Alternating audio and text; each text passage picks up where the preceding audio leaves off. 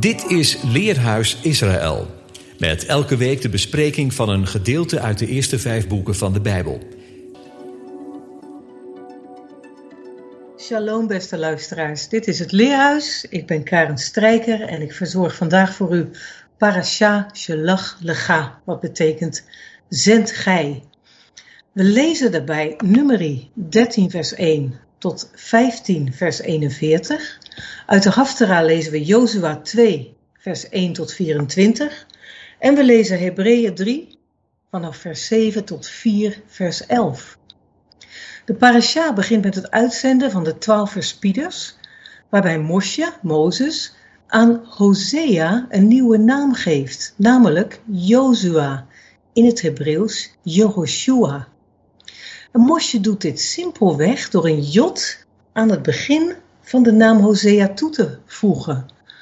En hier wordt Jozua, Jehoshua, een voorgestalte van onze Messias, die ook zo heet. De Jozua hier in dit Bijbelboek is de zoon van Noen. Dat staat in 14 vers 18.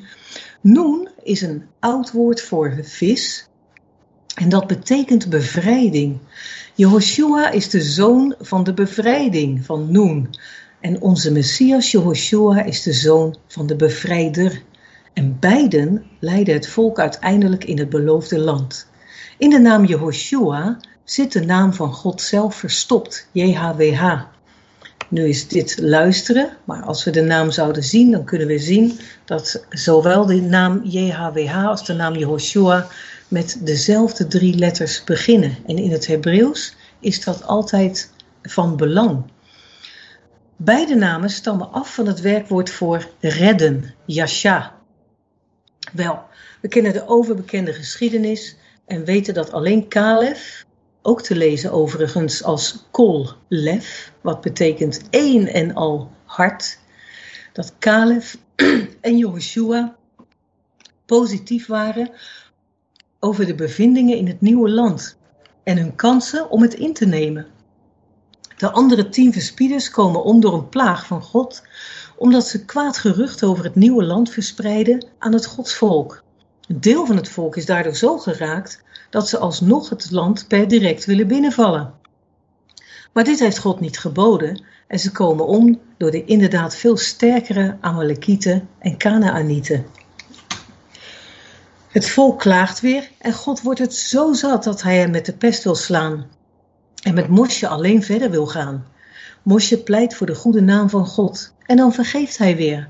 Echter, deze hele generatie moet sterven voordat God de rest van het volk verder leidt naar het beloofde land. En daarom bracht men 40 jaar in de woestijn door. Verscheidene offers worden door God geboden om te brengen wanneer men eenmaal in het beloofde land zal zijn. De eerstelingen van de oogst zijn van God.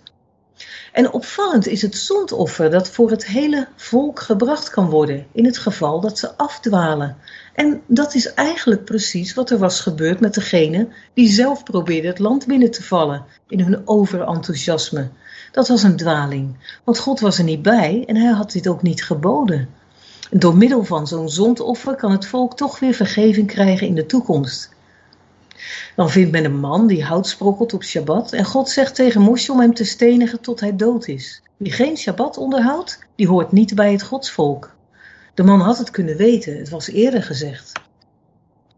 God draagt het volk op om tzitzit, gebedskoorden, aan de hoeken van hun kleding te dragen, zodat ze zijn geboden niet vergeten. En in die gebedskoorden zijn 613 knoopjes gevlochten en die komen overeen met de 613 ge- en verboden in de Torah. Veertig jaar na de uittocht stuurt Jehoshua op zijn beurt verspieders het land in. Ditmaal geen twaalf, maar slechts twee. Wie weet is dat wel om het gemopper tegen te gaan. Maar deze twee ontmoeten Ragaf, de prostituee wiens naam betekent wijd zijn, ruim zijn, opengaan. Wel, het is duidelijk dat haar hart zich opent voor de twee verspieders en ze verbergt hen in haar huis wanneer ze gezocht worden. Haar naam heeft woordverband met het woord ragam, barmhartig zijn, waarvan ook het woord rechem, baarmoeder.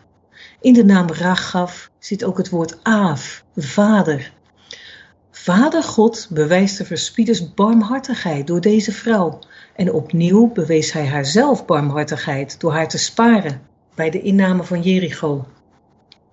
Dit alles omdat ze haar hart heeft geopend, heeft ruim gemaakt voor deze twee godsmensen uit het godsvolk.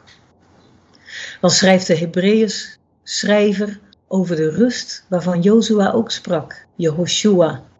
In vers 8, wie ongehoorzaam is, komt niet in Gods rust. Het is dus ook niet een aardse rust alleen, maar voornamelijk een rust die we bij God vinden als we hem gehoorzaam zijn. Er worden twee woorden gebruikt voor rust in het Grieks. Katapafsin en sabbatismos. Sabbatismos is Shabbatsrust. Het eerste woord, katapafsin, zouden we in het Hebreeuws kunnen vergelijken met het Hebreeuwse woord menuach of menucha, wat ook betekent rust, vrede, en waarvan David spreekt in Psalm 23. Salomo wordt in 1 Kronieken 22 vers 9 een man van menucha genoemd, want in zijn dagen had Israël rust en vrede aan alle kanten. Het tweede woord is het Hebreeuwse woord Shabbat, de dagen die voor God zo belangrijk zijn, zowel de wekelijkse Shabbat als zijn eigen Bijbelse feesten. Nu, wij doen er graag aan mee. Shabbat Shalom. U luisterde naar het programma Leerhuis Radio Israël. Een wekelijkse studie aan de hand van de Bijbelgedeelten die wekelijks door de Joodse gemeenschap worden gelezen. Heeft u een vraag of opmerking? Stuur dan een e-mail naar info radioisrael.nl. Het leesrooster vindt u op onze website. Ga naar radioisrael.nl en klik onder het kopje radio op programma's.